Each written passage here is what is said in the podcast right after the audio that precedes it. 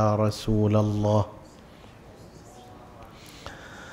صلى الله عليك وعلى ابن عمك أمير المؤمنين وإمام المتقين. صلى الله عليك يا سيدي يا أبا عبد الله الحسين وعلى أختك الحوراء عقيلة الطالبين. ما خاب من تمسك بكم وامن من لجأ إليكم يا ليتنا كنا معكم فنفوز فوزا عظيما.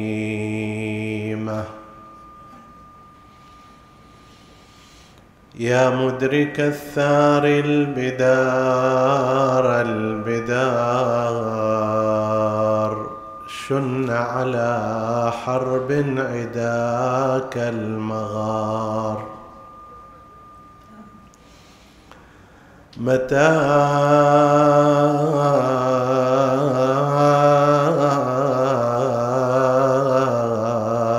تسل البيض من غمدها وتشرع السمر وتحمي الذمار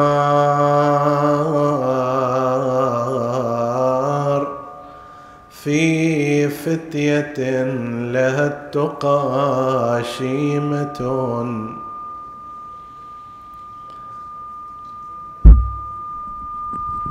ويا لثارات الحسين.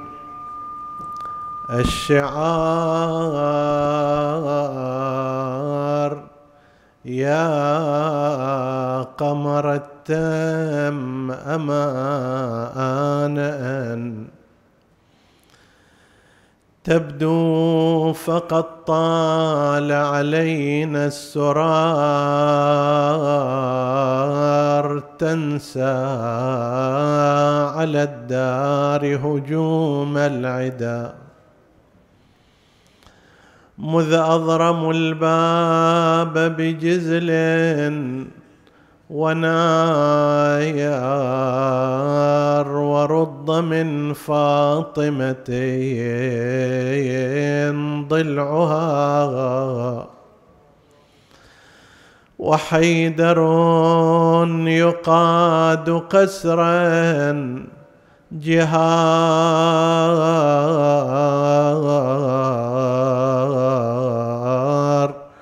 قد ورث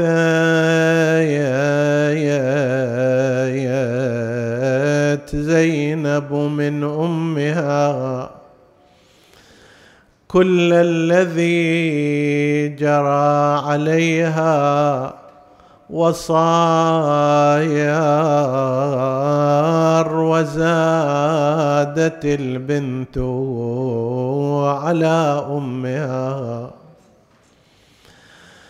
وزادت البنت على أمها من دارها تسبى إلى شر دايار تستر باليمنى المحيا فإن أعوزها الستر تمد يسار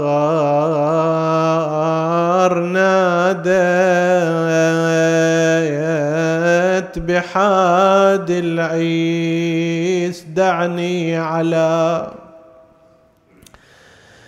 جسم ولي الله لو تل إزار أو خلني عند ابن أمي ولو تأكل من لحمي وحوش القفار صاحت يا وادي كربلاء عنك مشيت بليا غسل وكفان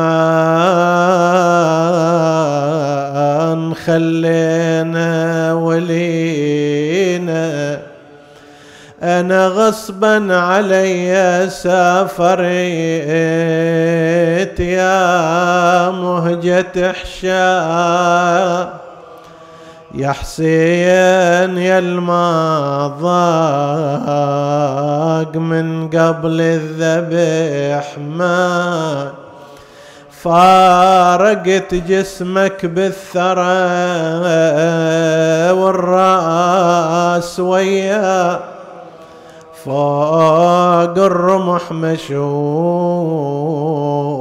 يبرى للضعيف لكنما الأمر لله لا حول ولا قوة إلا بالله العلي العظيم. إنا لله وإنا إليه راجعون. روي عن مولانا زين العابدين مخاطبا عمته زينب وأنت بحمد الله عالمة غير معلمة وفهمة غير مفهمة. صدق مولانا زين العابدين. عليه السلام. عطروا مجالسكم بذكر محمد وآل محمد.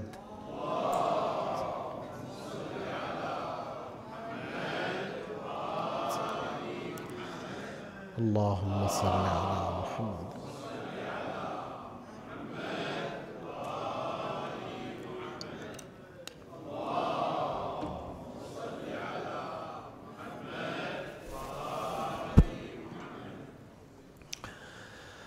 نعزي رسول الله صلى الله عليه وآله والعترة الهادية بذكرى وفاة عقيلة الطالبيين زينب بنت أمير المؤمنين عليهم السلام ونسأل الله الذي عرفنا إياها أن يجمعنا بها في الجنان وأن يرزقنا شفاعتها وشفاعة آبائها الكرام. إنه على كل شيء قدير. يتساءل البعض ما الذي قدمه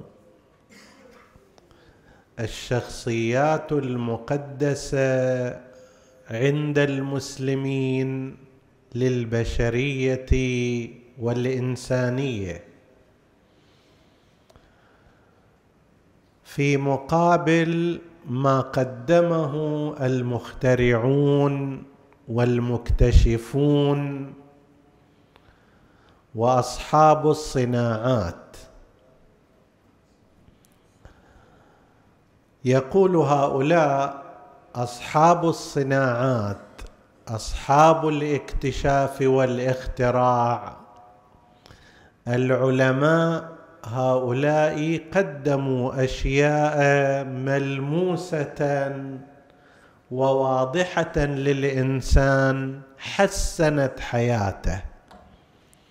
قبل الكهرباء كانت حياة الناس أصعب لما اخترعت الكهرباء. صارت حياة الناس أفضل. قبل صناعة السيارة كانت حياة الناس أصعب. بعد صناعتها صارت حياة الناس أفضل. وهكذا. فهذه الشخصيات العلمية المكتشفة والمخترعة حسنت حياة الإنسان. في المقابل ماذا قدمت الشخصيات التي يقدسها المسلمون؟ من المعصومين أو ممن هو دون المعصومين. شنو قدموا للبشرية؟ نبدأ بهذا الحديث والإجابة عن هذا السؤال كمقدمة للحديث عن بعض خصائص العقيلة زينب عليها السلام. في الجواب على ذلك يقال لا ريب أن العلماء والمخترعين والمكتشفين قد وفروا للإنسان أدوات آلات أشياء سهلت حياته ويسرت أموره بعدما استفادوا من العقل الذي وهبه الله إليهم واطلعوا على ما في الطبيعة من أسرار اكتشفوها فاستطاعوا بذلك أن يقدموا للإنسان أشياء تسهل حياته. هذا لا ريب فيه.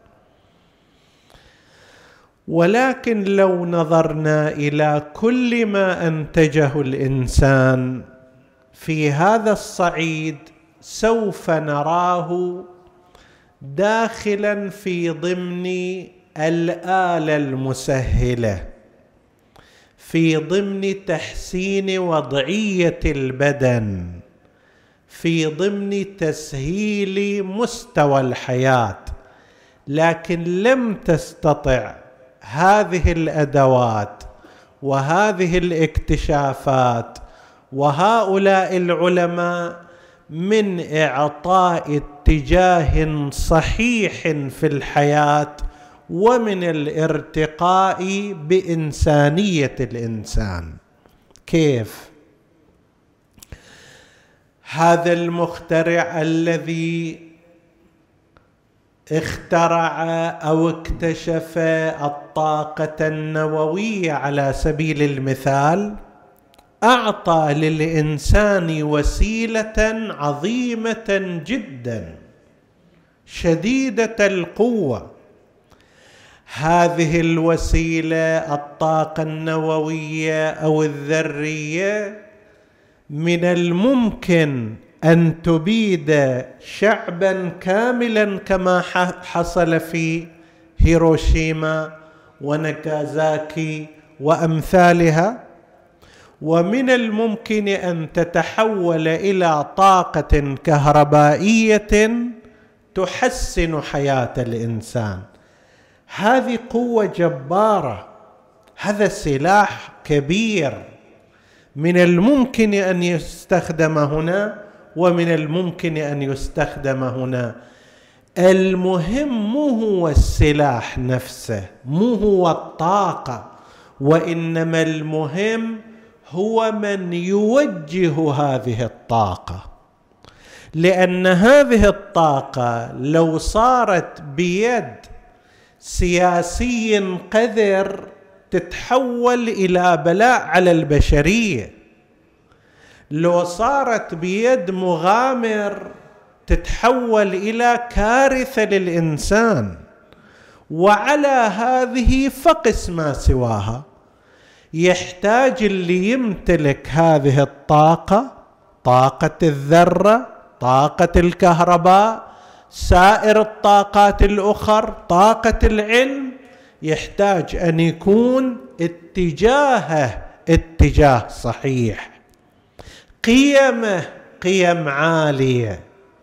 يحتاج أن يكون في صراط مستقيم وإلا آنئذ لو وقعت بيد شيطان من الشياطين ومارد من المرده من الممكن أن ينتهي الإنسان. الآن البشر يعيش تحت ظل هذه هذا الخوف.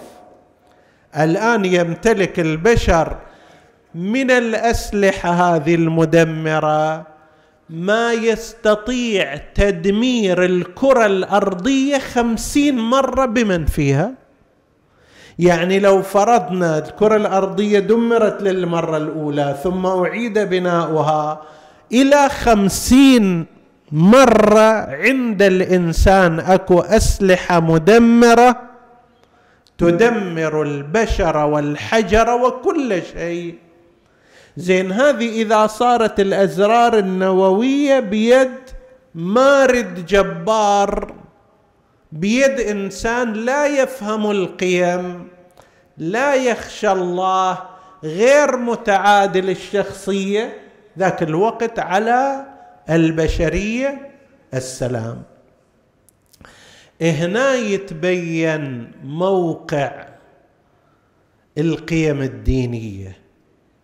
هنا يتبين موقع القرآن الكريم إن هذا القرآن يهدي للتي هي أقوم.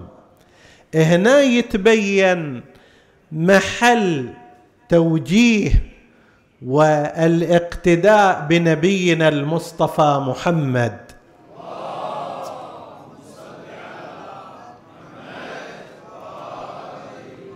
وبهدي أمير المؤمنين عليه السلام وبدروس العقيلة زينب أن هؤلاء أرادوا أن يصنعوا الإنسان يرتق بآدميته إلى المستوى الأعلى يكملون إنسانيته إلى أرقى الدرجات حتى لو صار عنده أعتى الأسلحة ما يستخدمها إلا في الطريق المناسب. وإلا إذا كان هذا الإنسان حتى لو مال عنده نفس هذا المال أحيانا من الممكن إذا كان بيد شخص ملتزم بالقيم يتحول إلى عمران يتحول إلى رعاية يتحول إلى عطاء يتحول إلى ازدهار. ومن الممكن اذا إذا كان عند إنسان على غير هذا المنهج يصير فساد وإفساد وتدمير. هؤلاء شخصيات الدين قدوات الإسلام يعطون الاتجاه. العلم والاكتشاف يعطي الأداة يعطي الآلة. السياره اللي أنت تركبها آلة. ولكن قد تتجه بها إلى مضرة الناس بأن تصدمهم وقد تتجه بها إلى اتجاه منفعة الناس في مساعدة المريض والغريق والحريق والمحتاج. اللي يعين هنا مو السيارة اللي يعين هو الاتجاه. الاتجاه لا تصنعه الآلة ولا يصنعه المكتشف. ولا يصنعه المخترع. الاتجاه يصنعه صاحب الدين. الاتجاه يصنعه النبي. الاتجاه يصنعه الإمام. الاتجاه يصنعه شخصية الدين والقدوة فيه. لذلك نحن نركز على احياء ذكريات هؤلاء وهذه الشخصيات العظيمة لأننا نريد أن نصنع لنا اتجاها صحيحا في حياتنا بحيث أي آلة جاءت عندنا أي أداة صارت عندنا أي قوة صارت بيدنا أي طاقة حصلنا عليها تكون متجهة في الاتجاه السليم. عندي جهاز هذا الهاتف الذكي. هذا كآلة ما يعطيك اتجاه. من الممكن أن يتحول إلى نقمه عليك وعلى غيرك ومن الممكن أن يكون نعمة والذي يحدد ذلك هو اتجاه حامله. الاتجاه ما تصنعه الآلة ما يصنعه المخترع ما يصنعه المكتشف. الذي يصنعه هو شخصية الدين. يصنعه قيم الإسلام ولا سيما إذا تجسدت وتركزت في إنسان. هذا بعد أدعى لأن يكون الإنسان مقتديا بها. ليش القرآن ما اجى بدون النبي وبدون الإمام وبدون المطبق؟ لأن الإنسان يحتاج إلى قرآن ناطق متحرك يحتاج إلى قيم مجسدة تمشي. فصارت شخصيات الدين من نبي وإمام ومقتدين بهم حتى يقتدي الناس بهؤلاء. سيدتنا الحوراء زينب صلوات الله وسلامه عليها هي من تلك النماذج التي بتطبيقها لقيم الإسلام صالحة لأن تعطي اتجاها لنساء الأمة بل لرجالها فإن نموذج المرأة المؤمنة كما هو للنساء هو أيضا للرجال.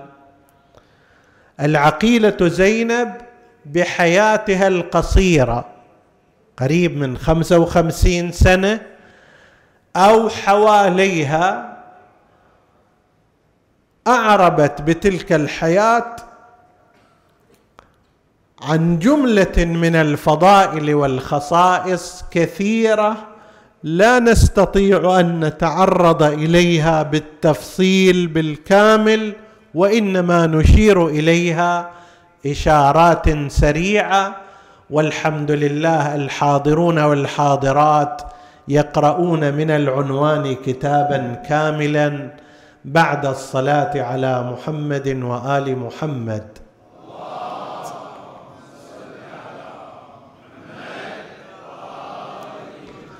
العقيلة زينب. زينب كما هو معروف لدى الإخوة والأخوات الأفاضل والفاضلات. اسم في اللغة العربية يحتمل فيه أحد معنيين. المعنى الأول يحتمل أن يكون هذا من الأسماء المركبة. تدمج فتصير اسم علم مثل بعلبك مثل بغداد مثل معدي كرب. هي أكثر من كلمة تدمج ثم تصبح اسم علم لشخص. قالوا إن زينب هي من هذا النوع وأصلها زين اب يعني ما يزين به أبوه.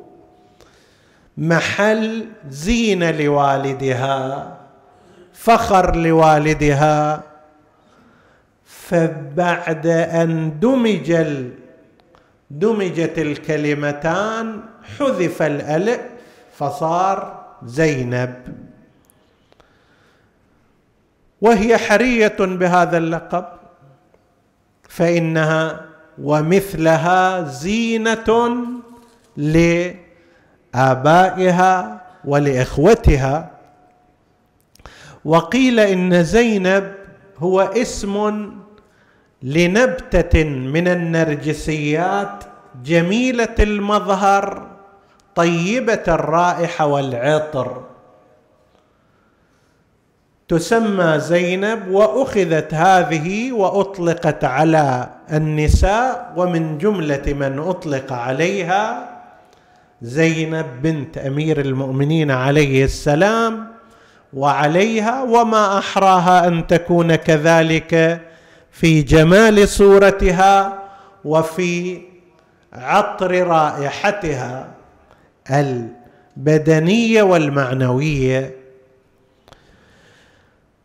زينب حظيت سلام الله عليها برؤية خمسه من المعصومين بل سته وعاصرت خمسة منهم معاصرة واضحة. عاصرت رسول الله صلى الله عليه وآله. البعض يقول في حدود ثلاث سنوات أو أربع سنوات وهي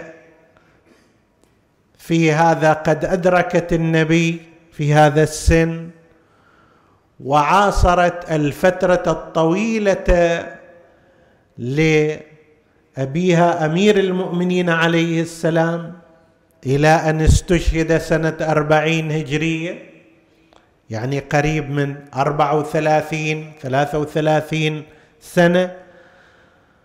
وأيضا عاصرت أمها فاطمة الزهراء صلوات الله عليها وهي من راويات الخطبة الفدكية وهذا أمر ملفت للانتباه. فإن أحد أسانيد الخطبة الفدكية خطبة فاطمة الزهراء عليه السلام بعد وفاة رسول الله أحد الأسانيد ينتهي إلى العقيله زينب وابن عباس يقول حدثتنا عقيلتنا زينب. عبد الله بن عباس الذي هو حبر الأمة ينقل عنها الخطبة المشهورة. ذاك الوقت إذا عمرها أربع سنوات أن تسمع هذه الخطبة وأن تحفظها على طول الخطبة ودقة معانيها هذا أمر يستوقف الإنسان. عاصرت أيضا أيام الإمام الحسن المجتبى سلام الله عليه وما لاقى والأحداث التي جرت وعاصرت أخاها الحسين عليه السلام وأكملت نهضته بما هو واضح للمؤمنين وأيضا عاصرت شطرا من إمامة الإمام زين العابدين عليه السلام سنة أو سنة ونصف على الخلاف في تاريخ وفاتها هل هو سنة 62 أو سنة 63 هجرية. وأيضا بشكل يعني أدركت الإمام الباقر عليه السلام وهو صغير السن.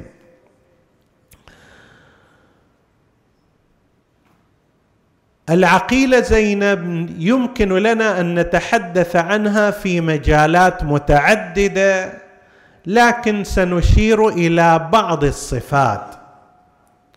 الصفة الأولى من صفاتها سلام الله عليها شجاعتها الذاتية وقوة نفسها.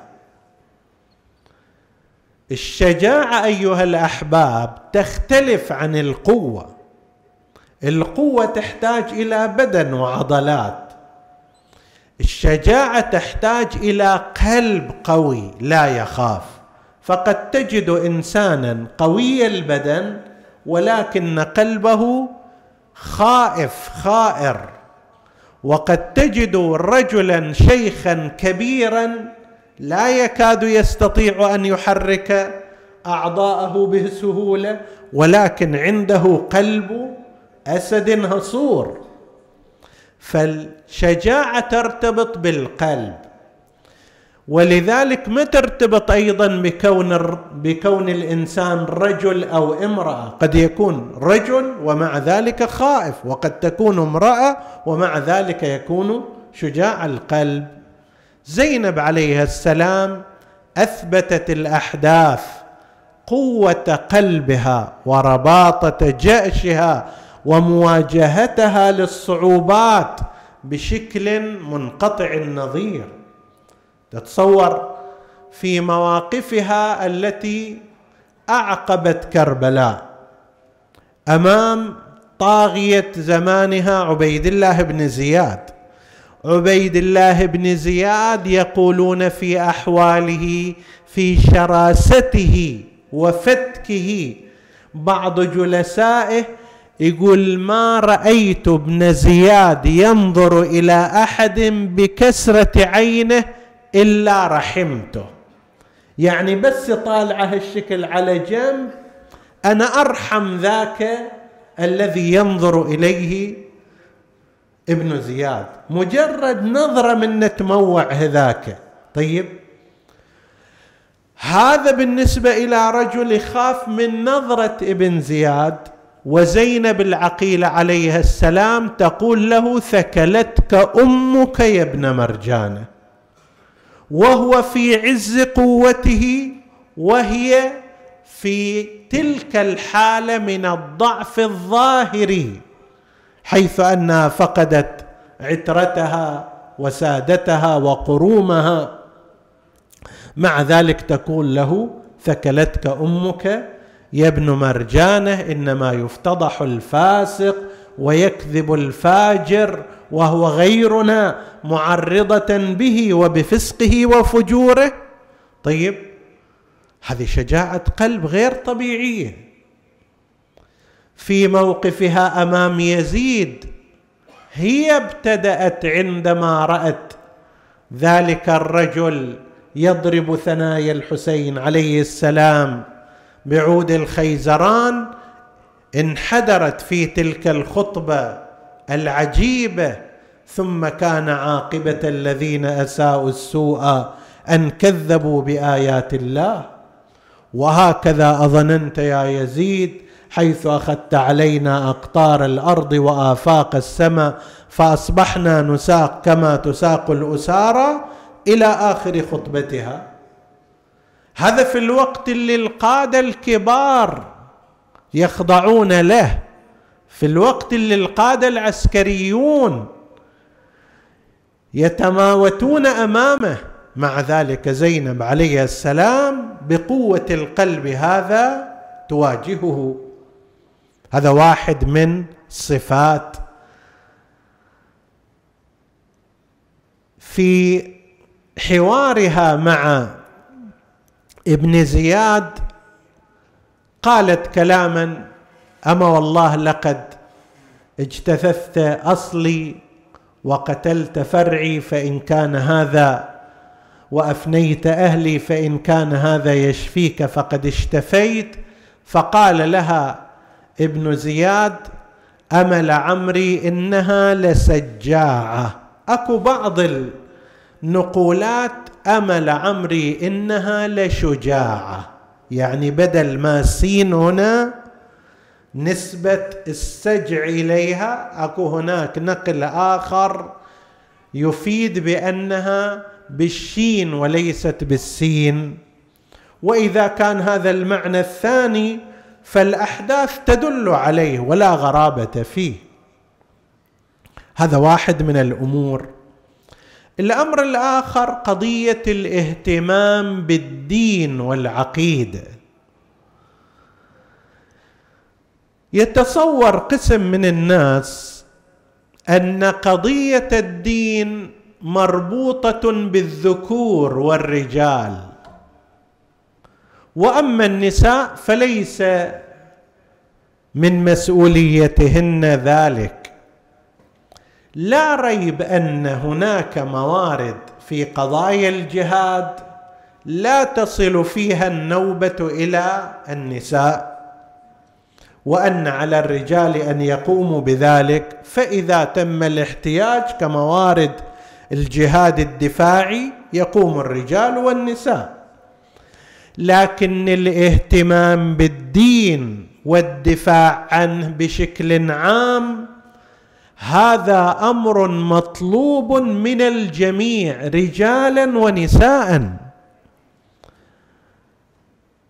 أصل أن المرأة تهتم بالدين التزاما يتجسد الدين في سلوكها.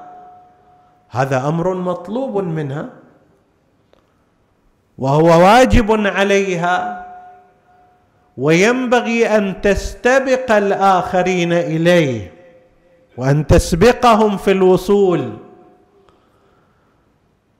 بحيث صلواتها صيامها حجها زكاتها حجابها ولا سيما في الأمور التي ترتبط بها على وجه الخصوص كقضية الحجاب. قضية الحجاب هي دعوة وهي إعلان للالتزام وهي إقناع للآخرين وشعار. لذلك لا نفهم معنى لبعض النساء عندما يتساهلن فيه. شوية من الشعر طالع شوية من الذراع طالع ما أدري. عدم الاهتمام بهذه الأمور هذا لا معنى له ابدا فهو على خلاف ما يرضى الله وهو دعوة مخالفة التبرج بأي درجة من الدرجات كان هو دعوة إلى اللا التزام كيف أن المرأة عندما تتحجب حجابا صحيحا وسليما. تقتضيه الشريعة تكون بذلك داعية الأخريات إلى هذا النموذج. لا سمح الله تلك المرأة عندما تبتذل تتبرج تتمكيج تظهر تظهر بعض ما يحرم عليها إظهاره. هذه دعوة مخالفة دعوة مضادة للدين حتى وإن كان من غير قصد. يقول لا أنا أعوذ بالله أن أدعو دعوة مخالفة. لا هو هذا نفسه ينتزع منه معنى الدعوة المضادة للدين. حجاب المرأة دعوة من غير لسان. الرجل ما يقدر يسوي هذا.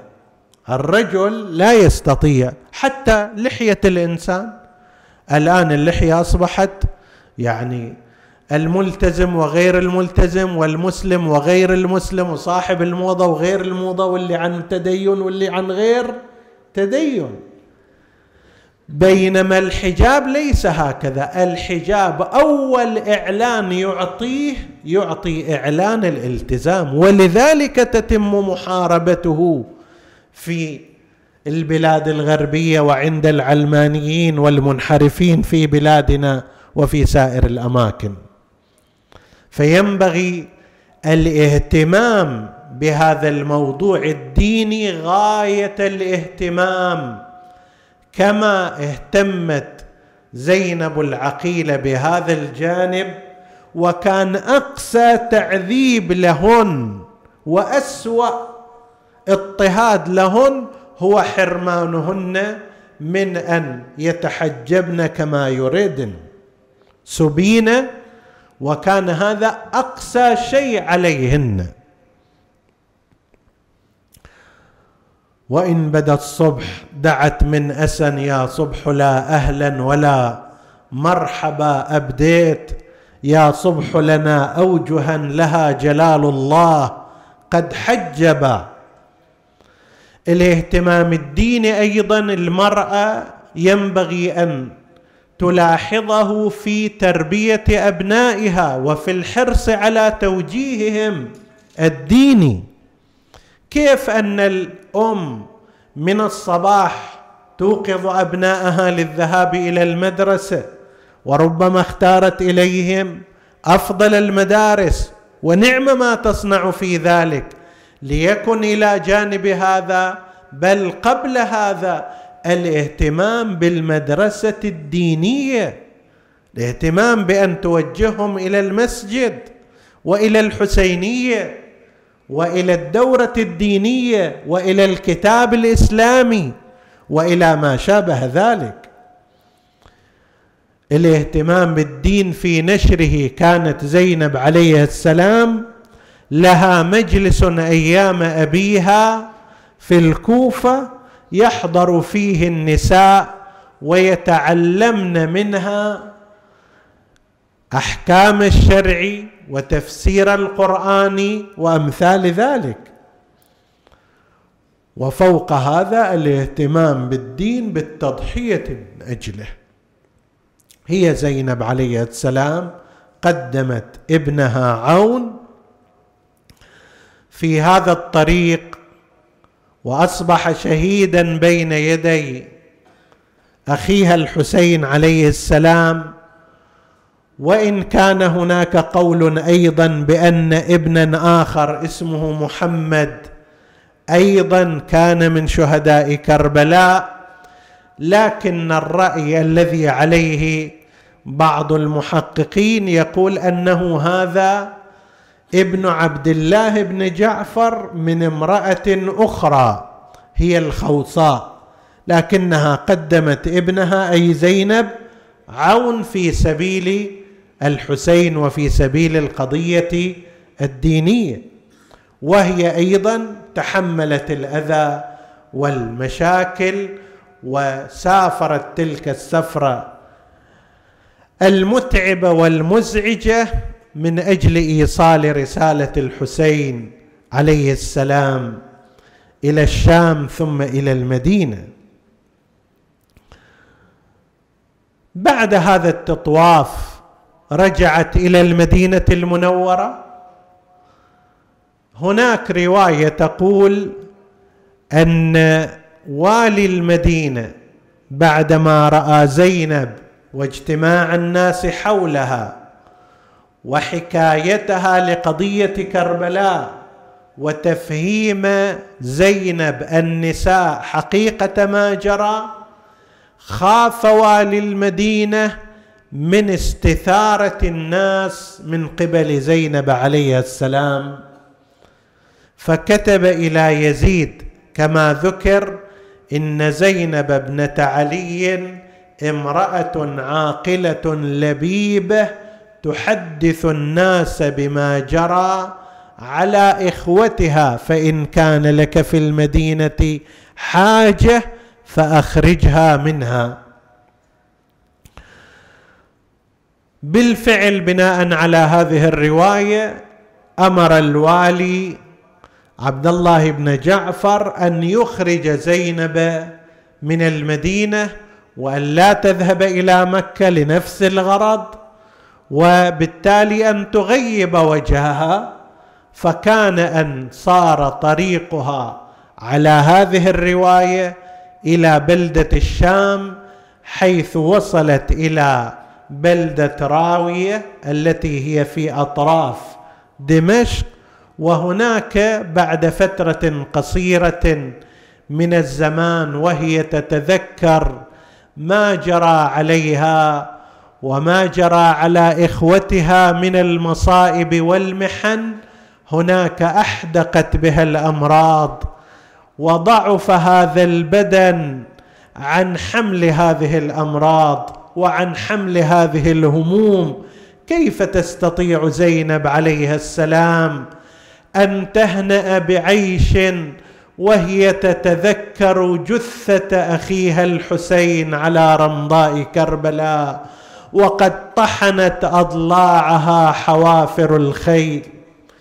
كيف تستطيع أن تستقر عواطفها وأن يبقى قلبها في مكانه وهي تتذكر ما جرى على أخيها أبي الفضل العباس من قطع كفيه ومن ضربه على رأسه بذلك العمد الحديد؟ كيف تستطيع بأبي وأمي أن تستقر وهي تتذكر مصيبة علي الأكبر التي ما أبقتها في المخيم وإنما عندما خر, عندما خر علي الأكبر خرجت كما ذكر المؤرخون وقد شبكت عشر أصابعها على رأسها وهي تنادي وولداه وعلياه وابن أخياه حتى أعادها الحسين إلى داخل الخيمات. كيف تستطيع بأبي وأمي أن تستقر وأن تهنأ بعيش؟ لذلك كانت تتذكر أحداثها مع الحسين كما نقل بعض الشعراء رحم الله الشيخ الوائلي له عدة أبيات في هذا المجال.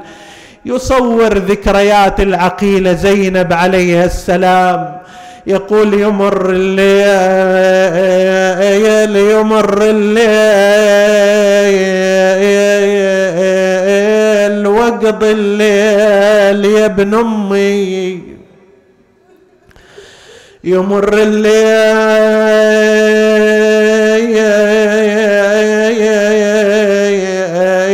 وقض الليل يا ابن أمي على ذكراك ويطر الفجر وعيوني تراوى لها ملقاك.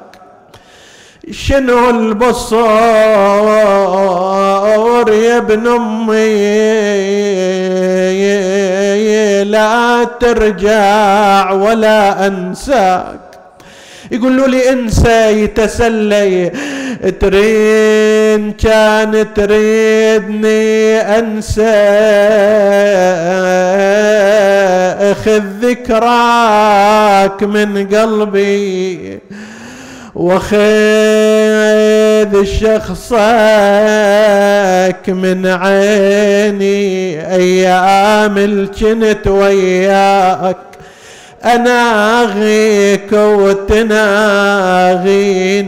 بقيت بأبي وأمي على هذه الحالة.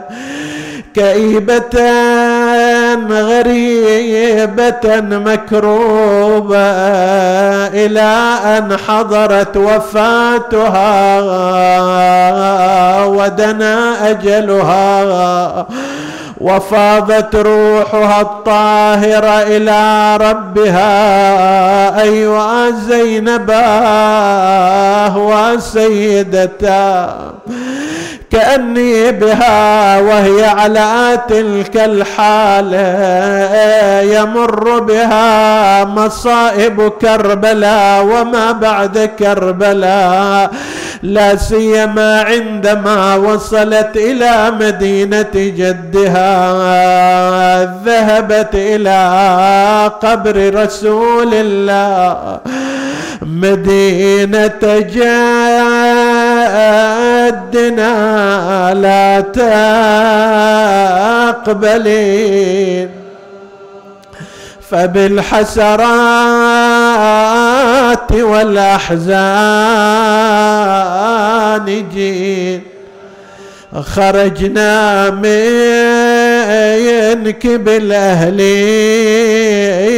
جمعان رجعنا لا رجال ولا بنينا اعتكفت زينب في دارها مع احزانها وآلامها.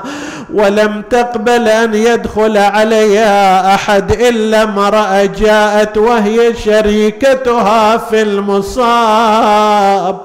أذنت لها سألتها أم البنين عما جرى عليها لكن ثلاث نشدات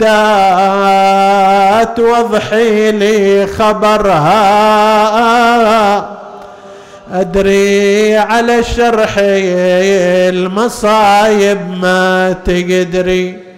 أريد أنشدك فاز بالناموس عباس وخبريني بصدر حسين بخيول العدم داس وانتي وقفت مكتفة ما بين الارجاياس بالحبل مربوقات وياك النساوي سكتيت تقلها والدمع كف هماله طيب الأصل ما ينحصى طيب أفعاله ملهوف خاض النهر مهتم بزلاله جوده ملاه كتب داله مدمع العين وإن كان قلتي للشهيد شلون رضوه دفنوا خوارجهم واخويا حسين خلوا نخيتم وعناد لي بالخيل داسوه واللي جرى ما ينوصف غير التسمعي. نسألك اللهم وندعوك باسمك العظيم الأعظم الأعز الأجل الأكرم يا الله. اغفر لنا ذنوبنا كفر عنا سيئاتنا. آمنا في أوطاننا لا تسلط علينا من لا يخافك ولا يرحمنا. ولا تفرق بيننا وبين محمد وآله طرفة عين. فض اللهم إخواني الحاضرين فردا فردا واقض حوائجهم. اشف اللهم مرضاهم. سماحة الشيخ الجليل اللهم احفظه بحفظك أيده بتأييدك. انفع اللهم المؤمنين بفوائده إلى أرواح موتى المؤسسين والسامعين. نهدي للجميع ثواب الفاتحة تسبقها الصلوات.